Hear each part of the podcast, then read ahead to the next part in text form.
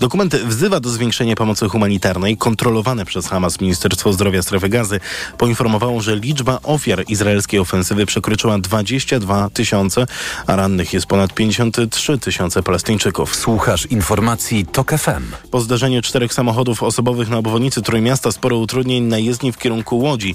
W wypadku została ranna jedna osoba. Warto dzisiaj uważać na drogach. Synoptycy bowiem prognozują gołoleć. Możliwy jest także większy ruch po południu, a po Powodem są oczywiście podróże na wigilijne spotkania.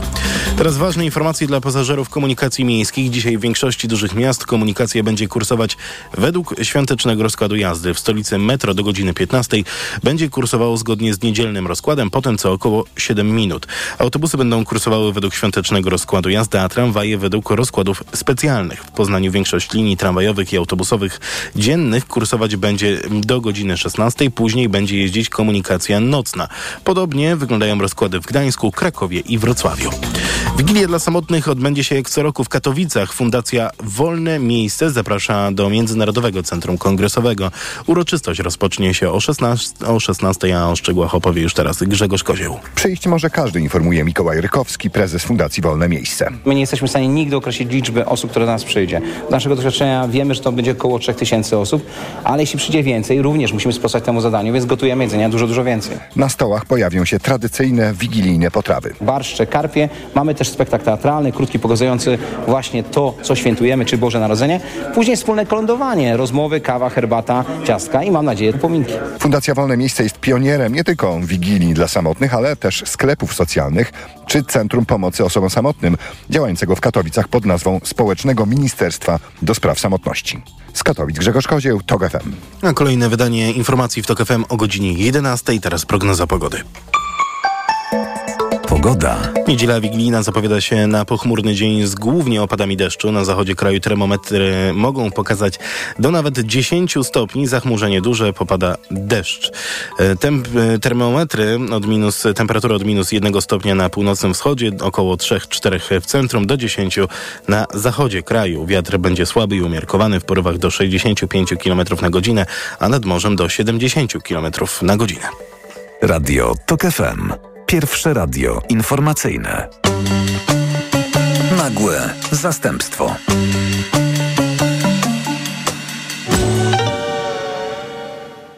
Uchodźcy i imigranci to nie od dzisiaj bardzo chodliwy politycznie temat. Da się go zmonetyzować na szereg różnych sposobów. Jednym z nich jest oczywiście odebranie tym ludziom godności i pokazanie ich opinii publicznej jako ludzkiej rakiety wymierzonej w serce Polski. Tak mniej więcej działały polskie służby w przypadku kryzysu migracyjnego na polsko-białoruskiej granicy.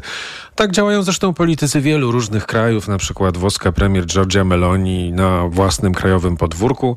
Tak po prostu działa wielu politycznych radykałów, chętnie używających tematu migracji i zagrożeń, jakie on stwarza. A faktycznie zagrożenia stwarza, choć nie takie, jakie mogłyby płynąć z przekazów radykalnej prawicy. Bo przede wszystkim pierwszymi ofiarami migracji są zresztą zazwyczaj sami migranci, których los jest doprawdy nie do pozazdroszczenia. I to właściwie w każdej sytuacji, niezależnie od tego, czy do danego kraju wjechali legalnie, czy nie. Ale można też inaczej pokazać uchodźców jako współczesnych wykluczonych, biedaków, stworzonych przez system, uprzedmiotowionych, w pewnym sensie pokonanych. Tak zrobił niedawno marszałek Sejmu Szymon Hołownia, zapraszając na Wigilię także przedstawicieli migrantów z polsko-białoruskiej granicy, tych ofiar przesławnych pushbacków. Czy zrobił dobrze? Właściwie to chyba tak. Choć Problem polega na tym, że działania symboliczne w tym obszarze są dość ryzykowne. Głównie dlatego, że w symbolach jesteśmy mocni, a w budowaniu sensownej polityki migracyjnej wcale. Symbolicznie lubimy o sobie myśleć jako o narodzie dobrodziejów, którzy otworzyli serca i własne mieszkania przed uchodźcami z Ukrainy. I to jest prawda, otworzyliśmy. Ale potem z zaskakująco małym zainteresowaniem badaliśmy sytuację tych osób, które do Polski wjechały, głównie migrantek. Nie mówię o zainteresowaniu prywatnym poszczególnych osób, mówię o systemie, który właściwie tego nie monitorował. Zresztą brak monitoringu sytuacji migrantów to tylko jeden z miliarda aspektów tej polityki migracyjnej, której wciąż nie mamy i nie możemy się doczekać. I nie wiadomo, czy nowi rządzący w ogóle są tym tematem zainteresowani, bo o polityce migracyjnej słyszymy żenująco mało, zdecydowanie zbyt mało, by pokładać nadzieję, że ten temat tylko na chwilę jakoś w nowych planach politycznych się zawieruszył. Tymczasem, jak się okazuje, zapotrzebowanie na gastarbajterów rośnie. Potrzebuje ich przemysł spożywczy, branża automotive, logistyka, e-commerce, potrzebuje ich gastronomia, hotelarstwo i budownictwo. Ściągamy więc skąd się da. Ukraina jako źródełko taniej siły roboczej już prawie całkiem wyschła. Mężczyźni nie mogą stamtąd wyjeżdżać, są potrzebni na froncie, gdzie zresztą masowo giną, przyczyniając się do potężnego kryzysu demograficznego za naszą wschodnią granicą. Przejmujemy więc coraz więcej Białorusinów, ale i tu okazuje się, że nie dość wielu. Łatamy więc te bliskie były republiki Związku Radzieckiego przybyszami z krajów Azji, z Indii, z Nepalu, z Bangladeszu. Jest coraz ciekawiej, coraz kolorowiej, a w przyszłości może być też coraz trudniej, bo ciągle myślimy o nich nie jako ludziach, tylko kimś między robotem a pracownikiem sezonowym, który ma popracować, a po pracy zniknąć. I to się najpewniej w którymś momencie na nas zemści. Można tylko zgadywać kiedy. I właśnie dlatego, że wciąż nie słyszymy o polityce migracyjnej, właśnie dlatego te symboliczne działania Hołowni tak słabo wyglądają. Nie dlatego, że są same w sobie szkodliwe, bo nie są. Tylko dlatego, że wydarzają się w politycznej bezczynności, na którą po prostu nie ma już czasu. Nagłe zastępstwo. Jakub Janiszewski przy mikrofonie, a ze mną w studiu Joanna Sarnecka, wolontariuszka wspierająca, tak wolisz mówić, osoby uchodźcze? Tak. Dlaczego? No, bo przede wszystkim osoby. Będziemy rozmawiali właśnie o takiej działalności jak Twoja dzisiaj i w ogóle o problemach e, tych ludzi. Zacznijmy może od tego, dlaczego to robisz. To znaczy, i co to oznacza właściwie dzisiaj wspierać uchodźców? Mhm. No, na pewno oznacza to dużo różnych rzeczy, zaraz sobie o tym powiemy, a dlaczego to robię, to też jest trudne pytanie. Mm, wydało mi się to jakimś takim, y, taką koniecznością w momencie, kiedy zaczął się kryzys na granicy polsko-białoruskiej, no bardzo mnie ta sytuacja jakoś poruszyła. Mm, przyłączyłam się do niej, do, do pracy na granicy od grudnia 2021. Mm, ale jednocześnie w tym samym czasie, mieszkając jeszcze wtedy na Podkarpaciu, wiedziałam, że jest strzeżony ośrodek przemyślu nie tak daleko ode mnie wówczas były tam rodziny y, i jakoś docierały do mnie sygnały, że tam nie jest najlepiej tym ludziom i w ogóle jakby uświadomiłam sobie, że ludzie w Polsce, którzy przychodzą tutaj w sposób no, nieregularny, no, ale wiemy, że nie każdy jest w stanie dostać wizę i przyjechać tutaj po prostu w taki sposób, jakby się chciało y, że one są przetrzymywane w miejscach, które przypominają więzienie, czasami wręcz o zaostrzonym rygorze. I no po prostu zupełnie mnie zszokowała ta sytuacja, że jak to jest w ogóle możliwe, co takiego ci ludzie zrobili, jak musi być im trudno. Jakby chwila takiego zastanowienia mhm. nad sytuacją tych ludzi, no bardzo mnie to jakoś poruszyło i, i przyznam, że wręcz no, zmieniło moje życie, bo stwierdziłam, że no nie mogę, do, jakby nie jestem w stanie pozwolić na to, żeby w moim kraju tak ludzie byli traktowani. Y, I oczywiście ta działalność na rzecz tego, że nie pozwalam, żeby tak byli ludzie traktowani, y, no, częścią tego jest choćby nasze spotkanie, także chcę o tym mówić, ale, no, ale muszę też przede wszystkim coś zrobić, y, żeby troszeczkę chociaż poprawić sytuację tych ludzi tam. Poprzez wysyłanie paczek z jedzeniem, ubraniami, ale też y, wspieranie ich takie, no, powiedzmy, moralne, ludzkie, bycie jakoś tam z nimi w tej sytuacji. No i tak, tak, Myślę, że to jest ta motywacja. Niezgoda na tę sytuację i na jakiś rodzaj takiego współodczuwania, bo ja w tej sytuacji, no wyobrażam sobie, jakbym się bardzo źle czuła, będąc więzioną, nie, nie będąc osobą, która popełniła przestępstwo, bo wiemy, że przejście granicy nieregularnej jest wykroczeniem, a nie przestępstwem, że no to się zdarza w niektórych krajach, w których się nie dostaje um, wiz. Ludzie no, muszą uciekać w taki sposób oczywiście historie ludzi są różne, różne są ich sytuacje, ale każdy uwięziony człowiek potrzebuje mhm. wsparcia. Ale rozumiem, że osoby w strzeżonym ośrodku to nie są jedyne osoby, którym próbujesz pomagać. Próbujesz także pomagać ludziom, którzy znaleźli się tutaj, są jakby oficjalnie, mają wszystkie papiery w porządku, ale z różnych przyczyn mają trudność, żeby się włączyć w to społeczeństwo. Mm, no nie zawsze to jest taka sytuacja. Raczej jakoś tak towarzyszę osobom, które są częścią powiedzmy tego, tej sytuacji migracyjnej, z którą mamy do czynienia w Polsce od 2021 roku. Więc to są osoby, które jeszcze nie zawsze mają jakieś ustalone sytuacje mhm. prawne. Czasami bardzo długo już na to czekają y, i chciałyby dostać status i wydaje się, że racjonalne by było na podstawie tego, co wiem i wiem o dowodach, y, które przedstawiają, y, że no, powinny już dawno dostać ten status uchodźcy czy jakąś formę ochrony w Polsce, a tymczasem ciągle na to czekają, więc ta sytuacja nie jest taka stabilna. E, I myślę, że to jest najtrudniejsza sytuacja, bo kiedy ktoś dostaje status, oczywiście też jeszcze wiele trudów przed nim i myślę, że włączenie się w polskie społeczeństwo nie jest takie e, pewnie łatwe.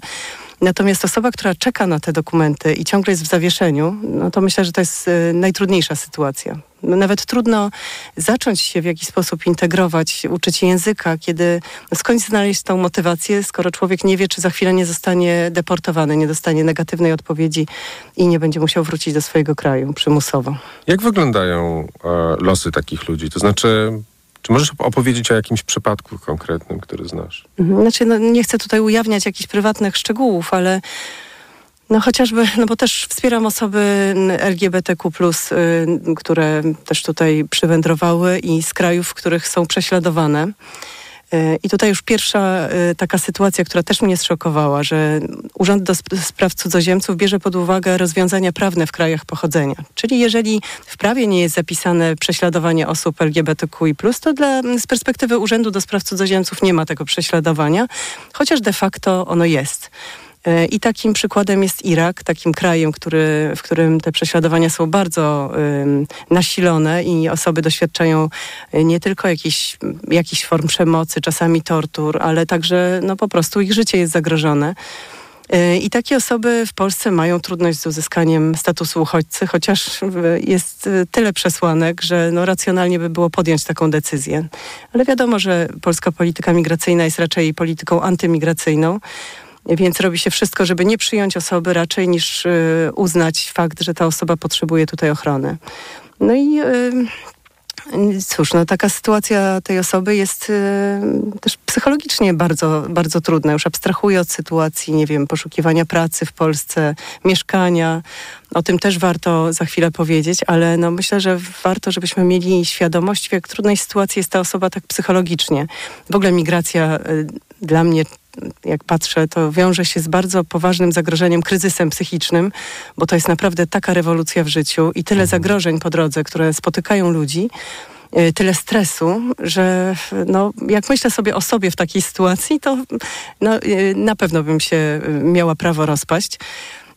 I te osoby no, doświadczają właśnie przemocy w swoim kraju, czyli mamy do czynienia z osobą, która już doświadczyła jakiegoś prześladowania, doświadczyła tortur, także fizycznych, I, I ona potem wędruje, podczas tej wędrówki doświadcza też przeróżnych zagrożeń.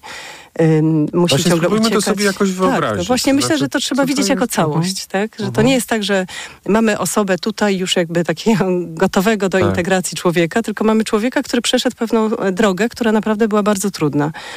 No więc... Y, Mówię tutaj w tej chwili o przypadku osoby, która jak dla mnie jest potencjalnym kandydatem na, y, na, na uchodźcę, na status uchodźcy. Mhm.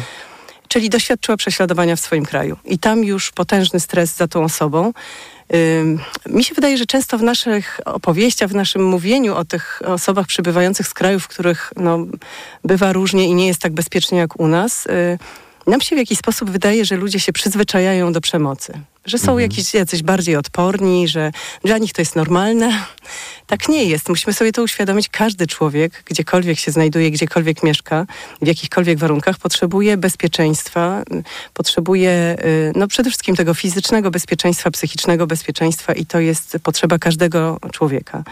No więc to już jest zagrożone i naruszone na początku. Potem jest droga, która czasami wygląda, y, no to to nie jest tak, że człowiek u siebie wsiada do samolotu, wysiada na granicy w Białorusi, tak, i próbuje przekraczać te granice i to już jest stresująca wersja, ale bywa i tak, że ludzie wędrują wiele lat że próbują wędrować szlakiem bałkańskim, że potem są zawracani, podejmują inne jakieś próby, na przykład zwykle mm, w ogóle to też warto wiedzieć, że ludzie nie chcą migrować. I jak podejmują taką decyzję, zaczynają od migrowania wewnątrz swojego kraju bardzo często.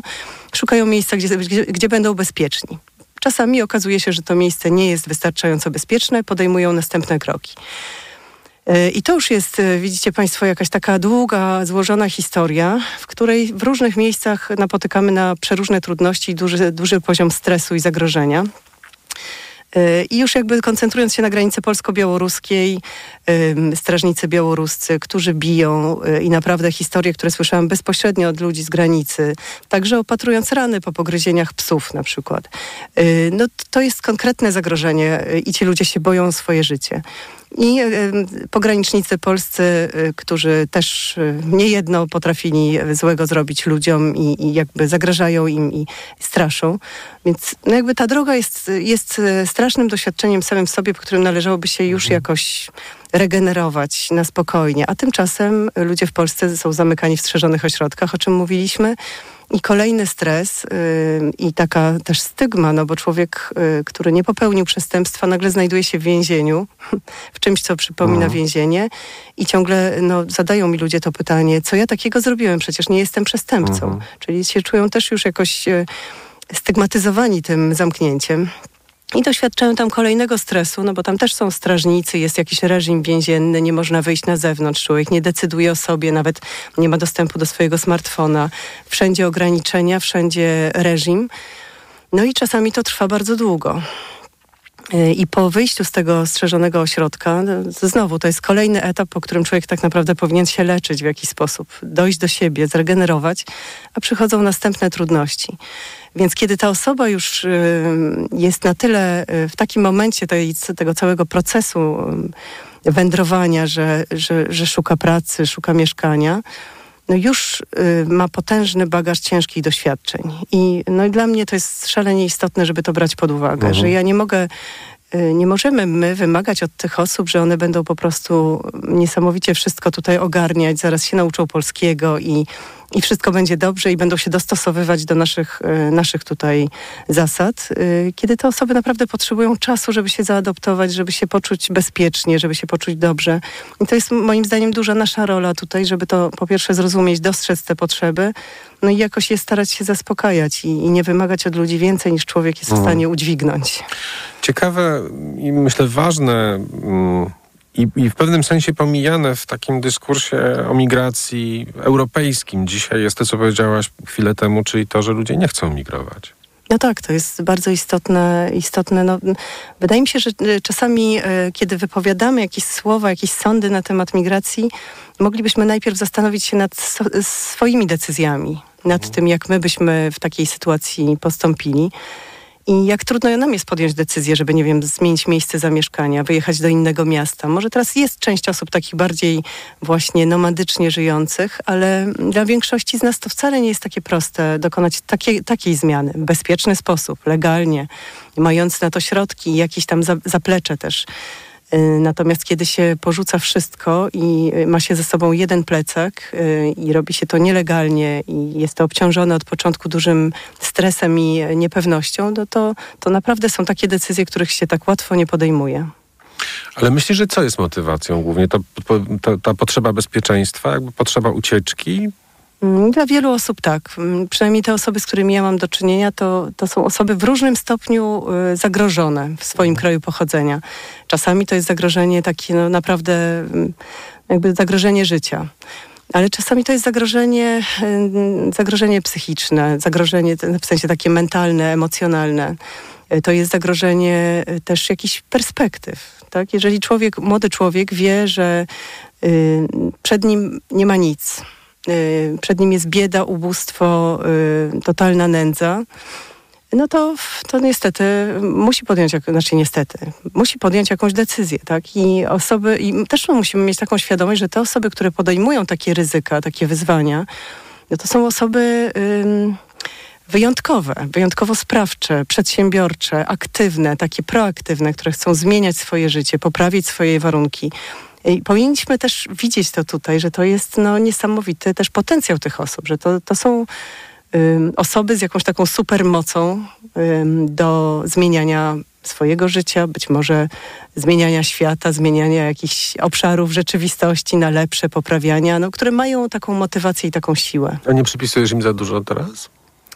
Oj nie, nie. Jak myślę sobie o tych warunkach, w których żyją, też miałam do czynienia z różnymi osobami, no, nie wiem, z różnych krajów afrykańskich. No naprawdę, no, Somalia jest dla mnie takim jednym z takich przykładów krajów, w których no, nie da się normalnie żyć. Tak? Jest y, cały czas jakiś konflikt zbrojny, jest niebezpiecznie, jest bieda. Właściwie nie jest kraj już teraz. No właśnie, no, to jest jakaś e, rzeczywiście duża, du, duży, złożony problem. Mm, I widziałam osoby, które stamtąd migrują. Oczywiście czasami to są osoby z naszej perspektywy, bezpiecznych osób, które mają dużo więcej sprawczości w swoim życiu. To wydaje się, że to są osoby w tym momencie jakoś niesprawcze, potrzebujące pomocy, zaopiekowania. No ale ja myślę, że przedsięwzięcie takiej podróży z Somalii w sytuacji tych wszystkich zagrożeń i e, biedy, no to, to wymagało naprawdę dużego samozaparcia, sprytu i, y, i jakichś takich możliwości, których, nie, których na pewno nie każdy ma. Pewnie to są też możliwości finansowe. Nie każdego z tych krajów, nie każdą osobę stać na wyjazd. Myślę, że wyjeżdżają ci, którzy no, mogą też sobie na to pozwolić, ale, ale no, na pewno wymaga to dużej siły. Jak sądzisz, czym jest motywowany strach przed uchodźcami? Co to jest? Mi się, wyda, mi się wydaje, że przede wszystkim to y, upolitycznienie tego tematu i, i y, robienie polityki na migracjach jest czymś, co najbardziej zmienia nasze postrzeganie ludzi. To było widać w y, badaniach, które były robione w Polsce po 2000, y, przed 2015 bodajże, teraz tak, szczegółów tych badań nie pamiętam, ale były badania, które pokazywały, że jesteśmy otwarci, chcemy przyjmować ludzi. Po czym po kampanii y, takiej antymigracyjnej w Polsce zrobiono badania i, no i nasze, nasze, nasz stosunek do osób migrujących się totalnie zmienił, radykalnie. Znaczy się, tak, i, i wydaje się, że to jest kluczowe. Y, to, jak mówimy o tym, y, jak opowiadamy tę sytuację. Zresztą dla mnie przykład, kiedy zaczęła się pełnoskalowa wojna w Ukrainie, i to, jak opowiedziano nam potrzebę pomocy, jak stworzono nam, nam mówię stworzono, tak trochę mhm. też pokazuje nas jako niesprawczych, no ale jednak no, jakby no rolą polityków jest e, też stworzyć jakieś środowisko dla naszych działań, naszych mhm. obywatelskich aktywności. Stworzyć je lub nie. No, my sobie z tym jakoś tam radzimy. Ale no generalnie stworzono środowisko dla pomocy. Oczywiście, bazując na tej sile obywatelskiej, no ale generalnie jakby pokazywano to jako pozytyw, e, wspierano takie działania i do dzisiaj opowiada się o tym jako o sukcesie. Sukcesie, tak, dokładnie. Tak. No i co się stało z obywatelami? Wszyscy się zaangażowali, naprawdę nawet ponad swoje siły, wszyscy dali to, co mogli z siebie, swoją energię, żeby pomagać. Gdyby tak samo opowiedziano o sytuacji na granicy polsko-białoruskiej, mielibyśmy dokładnie to samo. I e, ja miałam takie wrażenie, że wiele razy ludzie mm, wypierają temat granicy polsko-białoruskiej, ponieważ tak bardzo nie mogą nic z tym zrobić nie ma tego środowiska sprzyjającego do niesienia pomocy czy działania, bo też niesienie pomocy ustawia pewną relację, tak, mhm. ale mm, do, do jakiegoś działania tam na rzecz ludzi, na rzecz praw człowieka, jakby zgodnie z wartościami, które tutaj głosimy. Idąc za tym, co powiedziałaś teraz, e, nie używając pojęcia pomoc, a używając pojęcia działania, jakiego rodzaju działań wymaga osoba, która, no, jakby można powiedzieć, znalazła się już na wolności, nie jest w ośrodku zamkniętym, próbuje sobie jakoś poradzić, jeszcze nie wie, czy dostanie ten status uchodźcy, uchodźcy, będzie tu mogła legalnie zostać, czy nie. Co to jest za moment? Bo to jest, myślę, bardzo interesujące. Jakiś taki moment próżni, w, którym, w którą te, te, te osoby wpadają. Mhm. No, też warto wiedzieć, w jakiej sytuacji ta osoba wychodzi. Oprócz tego obciążenia ośrodkiem, bardzo często wypuszczane są osoby y, bez y, żadnego wsparcia, czasem bez biletu, e, nienaładowany telefon, który leżał pół roku czy rok w depozycie, więc no, nie można się z nikim skontaktować, często bez pieniędzy. I no to tu się zaczyna już jakiś rodzaj działań, tak? Próbujemy wesprzeć te osoby w dotarciu do ośrodka otwartego, ośrodka recepcyjnego, gdzie muszą się pojawić w ciągu tam dwóch dni i zarejestrować i wtedy y, mają prawo do pobytu w tym ośrodku otwartym pod warunkiem, że są w procedurze, mm, procedurze uchodźczej czy procedurze y, ochrony międzynarodowej. Jeśli są poza procedurą, nie mają y, nic do niczego prawa, kompletnie żadnego wsparcia od państwa. No i wtedy to jest już sytuacja... Jeśli są poza procedurą, w ogóle mogą wyjść z ośrodka strzeżonego? Mm, tak, czasem się zdarza, y, że wychodzą. Znaczy ja mam poczucie, y, towarzysząc temu, ja nie jestem jakąś specjalistką od tych wszystkich procedur, ale od dwóch lat w tym temacie jakoś jestem bardzo mocno zaangażowana i nadal nie mam poczucia, że dokładnie rozumiem zasady panujące w tym systemie. I, I, mam poczucie, że trochę nie ma, nie ma tutaj niczego przewidywalnego. E, nie, ma, nie można przewidzieć, kiedy się zacznie ta procedura, kiedy ta procedura się skończy, jak to będzie przebiegało właśnie. Czy osoba, która siedzi w ośrodku dostanie już jakiś status? Raczej nie. E, czy dostanie odmowę? Na jakich zasadach wyjdzie? Kiedy wyjdzie? E, naprawdę wydaje się, że czasami wszystko już wiemy, ale nawet z osobami, które prawnie wspierają, takie mamy poczucie, że nie będziemy budzić nadziei w tej osobie, bo tak naprawdę to my do końca nie wiemy, co mhm. się wydarzy. Zawsze może się zdarzyć coś nieprzewidzianego. No ale tak, no, wróćmy do tematu osoby, która wychodzi. Czyli ma, ma ten pierwszy problem, taka gra, gra terenowa się pojawia pod tytułem dotrzeć do tem, Dębaka, na przykład z Krosna Odrzańskiego, z Przemyśla. Ile to jest kilometrów? No, z 400. Y, kiedy człowiek nie ma pieniędzy, nie ma telefonu, y, nie wie nic o Polsce i spędził tu nawet i dwa lata, ale niczego się o Polsce nie dowiedział w międzyczasie, nie dostał żadnych wskazówek. No, staramy się oczywiście wcześniej tam przekazać jakąś mapkę dojścia na dworzec, opowiedzieć tym osobom, ale wiadomo, że y, człowiek, który siedzi na przykład rok w zamknięciu i ma jakąś mapkę miasta, którego w życiu nie widział, to jest dla niego trochę abstrakcja. No ale powiedzmy, że to jest pierwsza trudność. Potem y, osoba dociera, powiedzmy, szczęśliwie do dębaka czy do innego ośrodka recepcyjnego, bo to się czasami zmienia. Y, I y, i teoretycznie na przykład jak jest pod Warszawą, y, nie wiem czy Państwo sobie zdajecie sprawę, gdzie ten dębak jest, to jest koło Podkowy Leśnej, ale dość daleko od wszelkich szlaków komunikacyjnych w środku lasu. Dla osób, które na przykład przeszły przez las y, na granicy polsko-białoruskiej, to może być traumatyzujące. Y, I, no i one czasami wędrują z kolejki WKD do tego y, ośrodka przez las y, żeby się jakoś komunikować, nie wiem, z Warszawą, załatwiać swoje sprawy i to jest dla nich, myślę, duża trudność. No i oczywiście dla mnie to też jest jakaś symboliczna sytuacja. Ośrodki dla uchodźców, tak zwane już, otwarte, są w miejscach bardzo, bardzo mało dostępnych, które symbolicznie pokazują miejsce tych ludzi w naszym społeczeństwie. To jest Dębak, Linin za górą Kalwarią, gdzie trzeba do góry Kalwarii e, dojść często na piechotę, żeby, się dotrzy, żeby dotrzeć do jakiegoś pociągu czy autobusu mhm.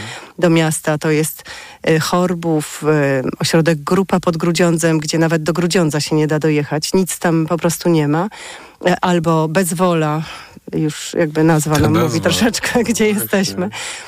I to już mnie przeraża, że jakby na, e, w tym nie idziemy do przodu. Nic, nic się nie zmieniło od wielu lat w tym zakresie, a wiemy już, jak bardzo istotna jest integracja. Jak bardzo ważne jest, żeby ci ludzie jak najszybciej stali się częścią naszego społeczeństwa, byli blisko nas, z nami i nawiązywali relacje. Jak nawet z takiego miejsca dojechać na zajęcia z języka polskiego gdzieś na drugi koniec Warszawy. E, oczywiście bilety są darmowe e, dla osób uchodźczych, to jest wspaniałe, dla osób w procedurach ale no poza tym no, to jest jednak bardzo duże wyzwanie. Jeżeli ta osoba zaczyna pracować, no to połączenie tego dojazdów, pracy z jakąś nauką polskiego, z życiem jakimś społecznym, które należałoby rozpocząć, to naprawdę jest y, stawianie kłód, kładzenie kłód pod nogi w momencie, kiedy ten człowiek nie zna y, języka, nie zna naszego kraju. Y, no, to dla każdego nie byłby zna problem. miasta, nie rozumie, tak, działa komunikacja. Dokładnie powoli się tego uczy, ale to jest naprawdę takie wyzwanie i taki kolejny stres, który tym ludziom fundujemy, zamiast im ich wspierać, pomagać. Mhm. To jakby to są takie problemy systemowe, z którym osoby, które tak jak ja starają się wspierać te osoby, no muszą jakoś yy, yy, się zmierzyć też i, i, i, próbować na te trudności odpowiedzieć, czy jakoś szukać rozwiązań. Na przykład, nie wiem, pomóc dojechać na taborową, czyli do... Yy, ośrodek, ośrodka, y, przepraszam, Urząd do, spraw Urząd do Spraw Cudzoziemców, do Urzędu do Spraw Cudzoziemców, gdzie y, no, różne sprawy trzeba co chwila załatwiać i, i to też jest na uboczu Warszawy, nie jest tam łatwo dojechać. Więc no, tutaj trzeba jakby w tym wspierać osoby, tak. No jest bardzo ważny temat pracy. Po pewnym czasie osoba w procedurze może się ubiegać o, o pozwolenie na pracę i zwykle je dostaje, ale to jest tam, musi minąć pół roku od odcisków palców. No, w każdym razie też trzeba to wiedzieć i tyle jest tych zasad, że naprawdę każdy by się zgubił, a osoba, mhm. która nie zna języka, nie zna tych wszystkich y, innych zasad, to już po prostu na każdym etapie ma trudno. Y, I no, powiedzmy, że dostaje pozwolenie na pracę. Był taki czas długi, kiedy osoby nie mogły sobie przedłużyć swoich dokumentów, tymczasowych dokumentów tożsamości bo w Urzędzie do Spraw Cudzoziemców panował jakiś przedłużony COVID do niedawna. W związku z tym nie wydawano tych dokumentów, no i osoba, która chciała znaleźć pracę, miała nieaktualny dokument i się cały czas odbijała od ściany, że nie może, pracodawca nie chce jej zatrudnić, bo ma nieaktualny dokument. W Urzędzie do Spraw Cudzoziemców nie wystawiają nowych dokumentów, bo jest COVID. Wystawiali zaświadczenie o COVID-zie, co pracodawca no, traktował trochę z przymrużeniem oka. No i takie różne są zapętlenia Paragraf kawkowskie. 22 trochę. Tak, tak, albo kawka tutaj, tak, no to po prostu naprawdę jak się w to, y, zaczyna się temu towarzyszyć, to jest, y, stopień absurdu jest wysoki dosyć i trudności. To idźmy dalej. Tak. Załóżmy, że ktoś już opuszcza ten dębak. Co wtedy? No właśnie z tym dębakiem jest jeszcze problem, bo dębak to jest naj, najlepsza opcja mimo wszystko. Jest dojazd do Warszawy, Warszawa blisko, tutaj rynek pracy dosyć jednak jeszcze pojemny, e, blisko taborowa, wszystko sobie można załatwić, chociaż też uważam, że to jest błąd, że centralizujemy to, no bo do pewnego momentu Warszawa może przyjąć ileś osób i pewnie się wszyscy pomieścimy, ale wiadomo, że nie tylko z powodów e, tego typu migracji osoby przybywają do Warszawy, więc wydaje mi się, że powinniśmy myśleć o tym, żeby decentralizować ten system i wspierać osoby, które chcą mieszkać, nie wiem, we Wrocławiu. Nie mówię o jakichś mniejszych miejscowościach, chociaż zdarzają się osoby, które mają doświadczenie w rolnictwie i bardzo chcą pracować w rolnictwie i one też powinny się tutaj jakoś móc odnaleźć w Polsce na rynku pracy w, tym, w tej dziedzinie. Ale y, tak, no powiedzmy, że y, osoba jest w Dębaku i i proszę sobie wyobrazić, że po jakimś czasie, ponieważ jest to ośrodek mm, recepcyjny, y, jest przenoszona do innego ośrodka. Na przykład y, już nawiązuje tu jakieś kontakty, szuka pracy y, w Warszawie, po czym przychodzi decyzja, że jest przenoszona do Bezwoli, czy Chorbowa, czy Grupy. A czekaj, a czy na przykład z tej bezwoli też będzie musiała jeździć na taborową? No tak, prawdopodobnie tak. To znaczy może też korespondencyjnie różne rzeczy załatwiać, ale no czasami łatwiej różne rzeczy, znaczy jakby porozmawiać o swoich sprawach i, i załatwić też w Warszawie, więc no jest tu pewna trudność. Yy, Ta Warszawa jest wygodna przez to, że Mhm, można tam pojechać, dopytać. No jakby to jest trochę inny tryb niż jednak yy, wysyłać pocztą różne tam swoje sprawy, aczkolwiek jest taka forma, więc to powiedzmy, że jest to możliwe. Ale na przykład opieka medyczna jest organizowana przez taborową, przez Urząd do Spraw Cudzoziemców. Jest e, taka mm, przychodnia Petra Medica w Warszawie, która się tym zajmuje. I niekoniecznie małe ośrodki e, są w stanie świadczyć usługi dla osób e, migranckich, osób w procedurach. Więc to, to jest na przykład problem. I też zorientowanie się, dostanie informacji w mniejszych ośrodkach, gdzie jest jakaś pomoc medyczna. Naprawdę. No już widzicie Państwo, to już jesteśmy na y, kolejny schodek Mhm. pokonujemy i tych schodów jest bardzo dużo. Y, I kiedy my jesteśmy tutaj bezpieczni i ogarnięci, znamy cały background nasz tutaj kulturowy i społeczny, to i tak to by było dla nas trudne, a dla tych ludzi jest to trudne razy sto, myślę. Y, No więc właśnie, więc y, na tym etapie tego, tej zmiany ośrodka zwykle ludzie bardzo proszą o pomoc w znalezieniu w Warszawie mieszkania. No bo no, chcą tu zostać, chcą mieć pracę, chcą jakoś się usamodzielniać. Naprawdę Czy chcą się uwolnić od tych ośrodków? tak, zdecydowanie. No, nikt nie chce zostawać w ośrodku. To jest, tak, dla większości osób to jest jakaś taka ostateczność. No wiadomo, że jest jakaś tutaj kolejność działań i ten ośrodek jest konieczny, ale potem jak najszybciej się usamodzielnić, znaleźć pracę i być już na swoim. No i tu się zaczynają kolejne schody, bo niestety znaleźć mieszkanie w Warszawie dla, y, dla osób w procedurach, osób uchodźczych, osób niebiałych, no to jest po prostu y, naprawdę bardzo, bardzo duże wyzwanie. Mm, I nie wiem, y, co z tym można zrobić, bo już szukam na różne sposoby. Czasami no jestem gotowa na przykład też ja podpisywać umowę za osoby, zamieszkać z tymi osobami, jakby wspierać cały ten proces zamieszkania u kogoś. Mhm. I naprawdę jak dzwonię szukając y, mieszkań dla osób, ja się tym tak jakby stale nie zajmuję, ale czasami mi się zdarza taka, taka sytuacja. Y, No to y, stopień rasizmu, z jakim się zderzyłam, był dla mnie po prostu szokujący. Też kolejny szok, który prze, przeżyłam w naszym kraju. Czasami słyszę, że no jeszcze gdyby to była osoba z Ukrainy, to jeszcze moglibyśmy porozmawiać, ale z Iraku, czy tam Kurd, czy, czy ktokolwiek z Iranu, no broń Boże, w ogóle nie ma rozmowy. Czemu? No, odpowiedź jest jedna, to jest po prostu rasizm, uprzedzenia, ksenofobia. Ym, ludzie mają właśnie przeróżne jakieś dziwne wyobrażenia o tych ludziach, boją się, boją się tego kontaktu. Myślę, że częściowo się boją, że się nie dogadają, ale ja tu zawsze sugeruję, mhm. że jestem wsparciem i pomogę. Mamy dzisiaj technologię, mamy translator w każdej komórce, więc naprawdę nawet język nie jest barierą. No ale no, jak to rozumieć? No, wydaje mi się, że tutaj jednak właśnie ksenofobia, rasizm to są odpowiedzi na, na, na te pytania. No, ale to też są ciężkie zarzuty, bo może trzeba też pamiętać o tym, że to są ludzie, którzy nigdy nie zetknęli się ze sobą z innej kultury, bardzo często. Nie mieli takiej okazji, mhm. nie mieli też takiej sytuacji. Nie, często nie mają żadnego jakby przygotowania do tego, żeby no tak, żeby się ale... w takiej sytuacji mhm. znaleźć. To może rasizm to w takim razie byłby za dużo, ale ksenofobia jest tu jakąś odpowiedzią, czyli boję się obcego, nie chcę być ciekawy, ciekawa tego, jak jak się dogadam z tą osobą, nie chcę nawet sprawdzić tego, tak, takiego pierwszego kontaktu, że się zobaczymy, że poznamy się, pogadamy, zobaczymy, może miałby szansę ten człowiek mhm. wynająć ode mnie mieszkanie, ale ja tej szansy nie daję. Z jakichś mhm. powodów jakby posługując się tylko tym argumentem, nie wiem, koloru skóry i kraju pochodzenia. Więc to... jest coś tutaj. Nie chcę bronić tej postawy, mhm. ale to może też być związane z przygodami, jakie osoby wynajmujące mają e, mhm. wynajmując. I to Zdarza też się. bywa mhm. bardzo różne doświadczenie, więc e, może, może tylko tyle warto dodać, prawda, do tego obrazka. Ale znaczy, ja chciałam tylko dodać mhm. do tego, co, co mówisz, że no, ja wynajmowałam kiedyś swoje mieszkanie dawno temu o, osobie z Polski i miałam bardzo duże przejścia, więc e, tutaj myślę, że tu kolor skóry nie ma znaczenia.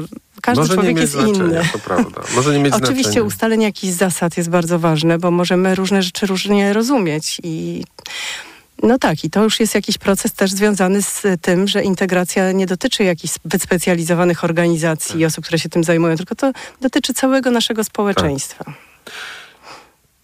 A skąd, skąd pieniądze na wynajęcie mieszkania? To jest potwornie mhm. drogie, właśnie dla wszystkich, prawda? Ktokolwiek e, szukał mieszkania w Warszawie, czy przeszedł przez takie doświadczenie wynajmowania, wie, że ta bariera finansowa jest jednak ustawiona dość wysoko i to na starcie, nawet jeżeli ktoś się decyduje na substandard. Więc w jaki sposób e, ludzie, którzy są w procedurze uchodźczej, mogą sobie na to pozwolić? To znaczy, to już jest powiązane z pracą. Te osoby mhm. muszą y, zaczynać pracę i, i, mieć widoki na jakieś finanse i bardzo często grupują się najpierw w jakieś takie towarzyskie, koleżeńskie grupki, które razem wynajmują mieszkanie i, i często no, żyją w dużej ekipie, no ale tylko to im daje możliwość zapłacenia tych czynszów. To jest jakieś rozwiązanie. Zresztą to samo robią młodzi ludzie z Polski, bo po prostu w Warszawie jest za drogo, w Polsce jest za drogo. Pomówmy o tych grupkach, bo to jest ważny mhm. punkt. Um, te grupki są twoim okiem, twoim mhm. zdaniem szansą, czy też są pewnego rodzaju zagrożeniem dla E, takich osób? Nie, nie, one są szansą absolutnie, one nie są trwałe często. To są grupy jakieś, e, które tworzą sieć znajomych, ale nie zawsze to są jakieś takie bliskie przyjaźnie. E, ludzie się grupują często dlatego, że się spotykają wcześniej, wcześniej w strzeżonym ośrodku, razem tam są, albo są, spotykają się w otwartym i wiedzą, że mają te same potrzeby, szukają mieszkania i dla realizacji tych potrzeb się grupują. Oczywiście, no, nawiązuje się między nimi jakaś relacja, więc potem ta znajomość może przetrwać, ale to nie jest tak, że to ich zamyka na, y, na osoby z zewnątrz i bardzo często to są też grupy, znaczy nie zawsze to są grupy jednonarodowe, że tak powiem, że y, nawet są y, różnojęzykowe i to jest czasami ciekawe też, jak oni sobie tam radzą z tymi barierami językowymi, żeby wspólnie mieszkać, wspólnie jakieś tam mieć obowiązki. A jakie są te zagrożenia właśnie dla osób uchodźczych, które ty widzisz? Znaczy poza oczywiście mhm. tym, że sam, sama sytuacja jest właściwie taką sytuacją trochę, zaryzykuję taką metaforę, może nie najlepszą, ale ona mi jakoś przyszła do głowy, taki obraz szczura laboratoryjnego wpuszczonego w, do labiryntu, prawda, który właściwie nie wie, czy trafi na zapadnie, mhm. czy gdzieś przejdzie, czy co, co, co go czeka, prawda, że to jest taka sytuacja jakby jednak bardzo, no, myślę, okrutna. Tak, tak. I, I, na zasadzie mhm. losowej, mhm. znaczy ta sytuacja losowo jest okrutna, ale też jest utrudniana przez brak procedur, mhm. przez w pewnym sensie absurd. Tak, system jest zdecydowanie niesprzyjający, ale e, to, co jest zagrożeniem, to myślę, że już po wyjściu, jak już człowiek zaczyna stawać na własnych nogach i, i być niezależny, no to tutaj rynek pracy wytwarza wiele zagrożeń. W ogóle też jest trudny, też jest e, ograniczający jakby dostęp y, osobom uchodźczym, y, szczególnie jak nie znają języka. No wiadomo, że jest to bariera i do pewnych prac no, niezbędna jest dobra, precyzyjna komunikacja.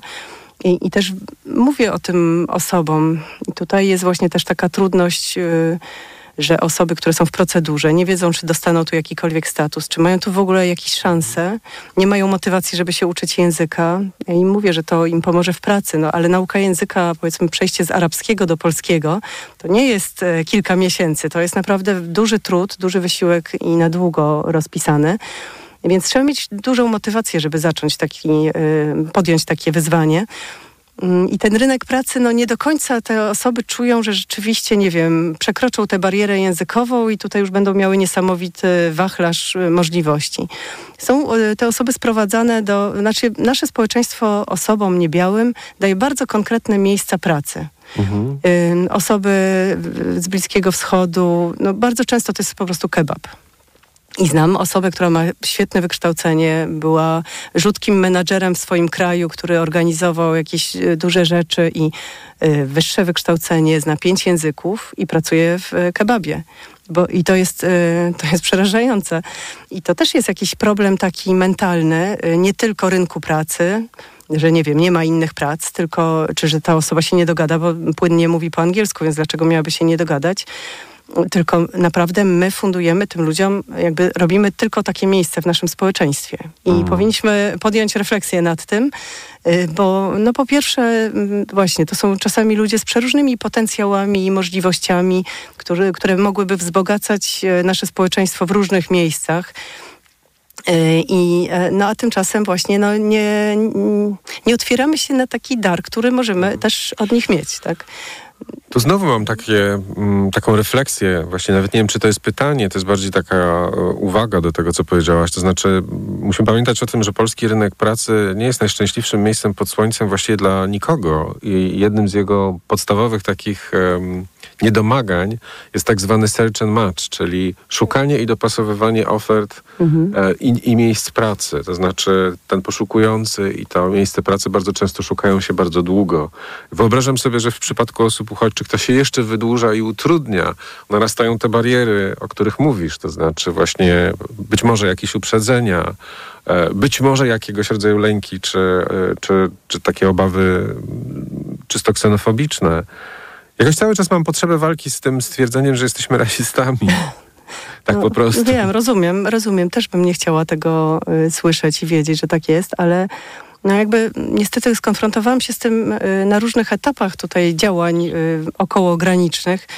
Także już niestety nie, nie mam złudzeń, okay. ale tak, jest to problem. Powinniśmy uh-huh. się chyba z tym skonfrontować po prostu uh-huh. i spróbować się zastanowić, czy chcemy to zmienić. Uh-huh. Czy jesteśmy w stanie czy to już zmienić. nie stosować ale, już nie mówić sobie nie, może niekoniecznie, tylko jednak to uznać. Tak, tak, bo to, mm, to jest też taka subtelna gra, bo to nie jest e, na zasadzie, nie wiem, jawnej przemocy na ulicy. Też się zdarza, ale na szczęście to nie jest takie częste. Nie jest to takie, nie wiem, nie, nie wszyscy na szczęście, nie wszystkie osoby uchodźcze doświadczają w Polsce tego typu przemocy. Natomiast właśnie to sprowadzanie ludzi do roli kebaba, mhm. prawda? Mhm. I takie cały czas, no znaj swoje miejsce w tym mhm. społeczeństwie. Dlatego, i to właśnie dlatego, że jesteś niebiały, że jesteś nie nasz, nie stąd, no to to już, to już jest mhm. jakiś e, duży problem moim zdaniem. Jedny, jednym z takich lęków, które mm, rzeczywistość, e, powiedziałbym, europejska wytwarza e, odnośnie uchodźców, jest taka opowieść o przestępczości, młodej przestępczości um, potomków uchodźców, mm. potomków migrantów, czy samych migrantów. To jest ta wizja getta, to jest wizja e, takiej przestrzeni wykluczenia, m, będącej właściwie trochę przestrzenią poza miastem, czy, czy przestrzenią, która stanowi takie miasto w mieście. Mm. Jak ty o tym myślisz, patrząc właśnie na losy ludzi, którym próbujesz, z, z którymi jesteś w kontakcie. Jak ta narracja brzmi w Twoich uszach? Mhm. My jesteśmy w, jako kraj w zupełnie innym miejscu. Yy, mamy szansę zrobić to inaczej i lepiej, yy, ale na razie nie widzę żadnych yy, jaskółek zwiastujących tę wiosnę. Niestety, to znaczy nie widzę takich działań, ruchów i myślenia na ten temat, a to jest bardzo ważne i to jest ten moment, żeby podjąć działania, żeby wylądować w zupełnie innym miejscu za właśnie, kiedy będzie to następne pokolenie. Yy, no i tutaj yy, to słowo integracja jest dobre, a może jeszcze lepsze jest właśnie włączanie, to znaczy budowanie włączającego świata dla każdego. Mówimy dużo o tym w kontekście, nie wiem, osób z niepełnosprawnością, równości, y, nie wiem, osób o różnych orientacjach i tożsamościach seksualnych. Mówimy o włączaniu, o budowaniu świata, który jest dla każdego. Y, instytucji, y, przestrzeni publicznych i tak. I powinniśmy zacząć też tak samo myśleć o osobach migrujących do Polski z różnych powodów, w różny sposób, nie, nieistotne, ale że są te osoby, zobaczyć je i popatrzeć na nasz świat ich oczami i zastanowić się, co należy zmodyfikować, żeby ten świat był włączający także dla nich, otwarty, dostępny, jak najbardziej uniwersalny. I to jest jedna sprawa. No i myślę, że już jakby w konfrontacji z takim sposobem myślenia, jak sobie pomyślimy o tych ośrodkach otwartych w bezwoli, czy gdzieś na drugim końcu świata, daleko od wszystkiego, no to będziemy mieli dysonans, tak? Dlaczego te osoby, które już jednak mają różne inne trudności, skazujemy na jeszcze taką trudność komunikacyjne, y, wykluczenie, wykluczenie z jakichś rynków pracy, y, wykluczenie z życia społecznego, kulturalnego i tak. No więc teraz powinna za tym iść taka myśl, dobrze, no to jak możemy to zmienić? Mhm. I co byśmy chcieli uzyskać? Chcielibyśmy uzyskać, żeby te osoby miały te dostępy, te dostępności, tak. E, gdzie w takim razie ulokować takie miejsca, otwarte ośrodki, żeby te osoby nie czuły się poza społeczeństwem, tylko były jak najbardziej od początku włączane, nawiązywały relacje nie tylko z takimi właśnie pomagaczami, którzy gdzieś tam im towarzyszą, ale po prostu mieli sąsiada, y, mogli też komuś od razu też pomóc, żeby ta wymiana darów była już natychmiast jakby obecna w ich życiu, a nie tylko bierność, sprawczość i skazanie, no bo skazanie na jakąś formę pomocy i aktywizacji, żeby to się działo naturalnie. No i ja nie widzę tego, żeby tutaj jakaś była, jakieś następowało myślenie na ten temat, jak to zmienić. E, I to dotyczy tych wszystkich aspektów rynku pracy, mieszkalnictwa. Mm, Im bardziej będziemy mm, tworzyć uniwersalną przestrzeń dla każdego, dla osoby o różnych cechach, dla każdej osoby, no to tym mniej będzie tego typu problemów. E, I myślę sobie, że to drugie pokolenie bardzo często ma problemy tożsamościowe, znaczy, że jakby budzi się w nich ta tożsamość ich pierwotna, z której pochodzą, z której się wywodzą, która często przez rodzinę była, musiała być wyparta, bo następował jakiś proces asymilacji, który był wymagany przez społeczeństwo przyjmujące, no to też powinna być dla nas nauczka, że żadna asymilacja nie jest drogą do współpracy z osobami, które mają inne tożsamości. I powinniśmy y, tworzyć przestrzeń na ekspresję tych tożsamości, bo to nie jest nic złego, że ktoś je inaczej, y, inaczej się ubiera, y, trochę też ma jakiś inny background kulturowy.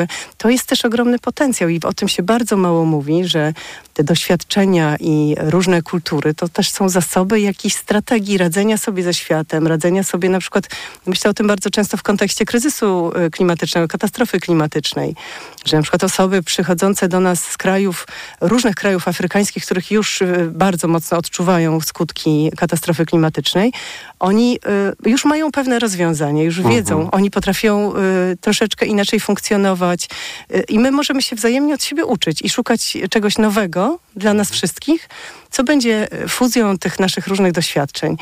W ogóle nie, nie wiem, brakuje mi takiego sposobu myślenia o tym. A gdzie widzisz jakby największą blokadę? Gdzie widzisz największy opór, e, jeśli chodzi o miejsce dla y, takich osób w polskim społeczeństwie? Myślę, że jednak dobrze by było zacząć od zmiany systemu, systemowej zmiany, bo no bo to jest taki dosyć sztywny moloch, z którym wszyscy się musimy mierzyć i potem jakoś tam rzeźbimy osoby z organizacji pozarządowych, różni wolontariusze, wolontariuszki, osoby, przede wszystkim osoby uchodźcze. No musimy z tym jakby dealować, tak, co jest. A to, co jest, bardzo nas ogranicza wszystkich w działaniu i bardzo już tak, no właśnie tak jak to miejsce tych ośrodków, już ustawia pewne, pewne rzeczy. Powinniśmy y, radykalnie zmienić ten system, y, otworzyć na y, nowe osoby i zastanawiać się, no, jakby obserwować. Je, I nadać mu nowe sensy, No, nowe prawda? sensy, dokładnie, tak. Jakby właśnie od tego miejsca ich, tych ludzi w naszym społeczeństwie, jak je mm, zbudujemy, jak je zaprezentujemy, jak będzie performowane, że tak powiem, Mhm. w naszym społeczeństwie, no to to już będzie bardzo dużo zmieniało, myślę też ym, w poczuciu tych osób, w poczuciu ich godności, ich takiego takiej świadomości, że jest nadzieja, że znajdą sobie miejsce w tym społeczeństwie, bo to społeczeństwo robi im miejsce też dla nich. Dla nich takimi, jakimi są, a nie takimi, jakie to społeczeństwo chce ich widzieć. To jest bardzo ważne. To jest jakiś wielki paradoks, że ośrodki otwarte są właściwie ośrodkami umiesz- umieszczonymi w takim miejscu, gdzie można zadać sobie pytanie, na co one są otwarte. No więc właśnie, no. no to są jakieś takie rodzaje przechowalni, można powiedzieć, na dzień dzisiejszy, że ten, ta, ten człowiek ma dach nad głową, ma co jeść, nie umrze z głodu, ale no, czy to jest rozwiązanie? To jest strata czasu, szczególnie jeżeli człowiek siedział wcześniej w strzeżonym ośrodku, stracił wiele miesięcy, w których nie uczył się polskiego, nie robił nic, mając mnóstwo, mnóstwo wolnego czasu, nic nie robił dla integracji, dla poznania już tego świata, do którego, w którym ma, który ma współtworzyć, no to dlaczego na tym kolejnym etapie znowu jest taka bariera? I jeszcze o jednej rzeczy chciałam powiedzieć związanej z rynkiem pracy. Bo to jest moim zdaniem też ogromne zagrożenie. Ym, powinniśmy zwrócić na to uwagę. Trochę się o tym mówi, ale w moim poczuciu za mało. Y, Kiedy mówi się o osobach migrujących do Polski, także legalnie o tym, jak chcemy przyjmować migrantów do Polski, bardzo często mówi się o tym, że oni są takim właśnie zasobem, że to są ręce do pracy. Ym, moim zdaniem to jest bardzo duże zagrożenie, powiem to już w sposób skrajny, ale jakimś rodzajem niewolnictwa. Y, I y, ogólnie y, jest, y, jest duże zagrożenie tym, że będziemy tych ludzi nie traktować jak ludzi, ale jak y, no właśnie niewolników, naszych niewolników, naszych, czyli białych panów niewolników, którzy będą spełniali nasze oczekiwania, pracowali tam, gdzie ich chcemy, gdzie potrzebujemy taniej siły roboczej, a potem ewentualnie ich wyrzucimy z powrotem. To oczywiście mm, nie jest już takie proste, jakby w, odwrócić bieg zdarzeń i sprawić, że osoba wróci do siebie, ale to jest jeden aspekt e, tego, ale naprawdę ja osobiście jako człowiek nie chciałabym, żebyśmy traktowali tak innych ludzi, bo ludzie, e, ich zdolność do pracy i e, to, co mogą dać w tym aspekcie swojego życia, to jest tylko jakiś jeden wycinek naszej rzeczywistości, naszego życia i tego, kim jesteśmy. Joanna Sarnecka, wspierająca osoby uchodźcze w Polsce, tak możemy powiedzieć, była Państwa i moim gościem. Dziękuję. bardzo. Dziękuję bardzo. Nagłe zastępstwo.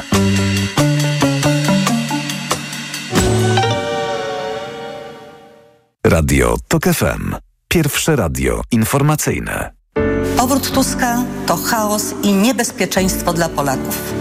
Takie były jego rządy. Nie wolno dać mu drugiej szansy, by powtórzył te same błędy. Zwracam się do Państwa, żebyśmy nie dali się nabrać na te nieczyste triki. Dzisiaj następuje wielka zmiana. To jest e, sygnał wielkiego polskiego odrodzenia. Rozpoczynamy Marsz Miliona Serc tu w Warszawie. Warszawie, która też jest symbolem odrodzenia. To teczka Tuska. Ta teczka to liczne dokumenty, które również potwierdzają ich zamiary. Chodzi o to, żeby w Polsce nie wrócił system Tuska. Tam nie ma żadnego pozytywnego wątku. My chcemy rozmawiać o przyszłości. Przygotowaliśmy specjalny program na 100 dni rządzenia. Oni mówią tylko i wyłącznie o jednym. O Donaldzie Tusku. Radio TOK FM. Pierwsze radio informacyjne. Posłuchaj, aby zrozumieć.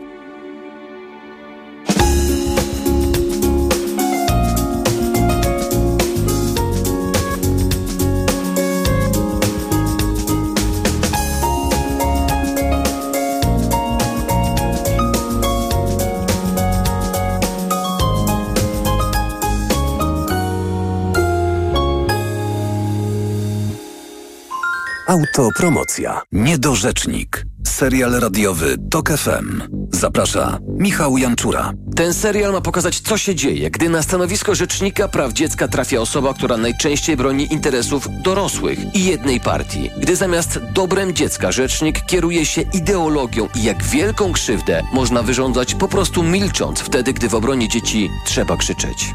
Niedorzecznik. Tylko w TOK FM Premium. Posłuchaj na tokefm.pl ukośnik rzecznik lub w aplikacji mobilnej. TOK FM.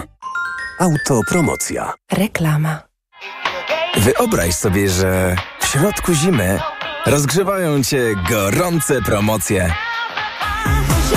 Albo nie wyobrażaj sobie, bo w Żabce codziennie odmrażamy nowe promki. Tylko dziś czekolada Milka 300 gramów w supercenie 12,99 przy zakupie z aplikacją. Żabka. Uwolnij swój czas. Czy pierwszy milion trzeba ukraść? Czy pieniądze lubią ciszę? Odpowiedzi na te pytania mogą być różne. W programie Biznes Klasa zadamy je ludziom, którzy liczą się w świecie wielkiego biznesu i jeszcze większych pieniędzy. Zapraszam. Łukasz Kijek, redaktor naczelny Money.pl. Marian, a Ania, wiesz, ta co w szkole uczy, pytała, gdzie najlepiej zrealizować bond dla nauczyciela na zakup laptopa. No jak to, Barbara? W Media Expert mają ponad 90 modeli laptopów dla nauczycieli i dodają prezent o wartości nawet 600 zł. Za złotówkę? No za złotówkę. A do tego to pewne i sprawdzone miejsce ze wszystkimi niezbędnymi gwarancjami. A MacBooki mają? Barbara, mają, no oczywiście, że mają i wszystko w supercenach. Więcej w sklepach i na mediaexpert.pl Jeśli twoja córka lub syn ma 12 lub 13 lat, możesz zaszczepić ich bezpłatnie przeciwko HPV. To bezpieczne i skuteczne. Twoje dziecko. Bezpieczne teraz. Bezpieczne w przyszłości. Kampania Ministerstwa Zdrowia. Pierogi i groch,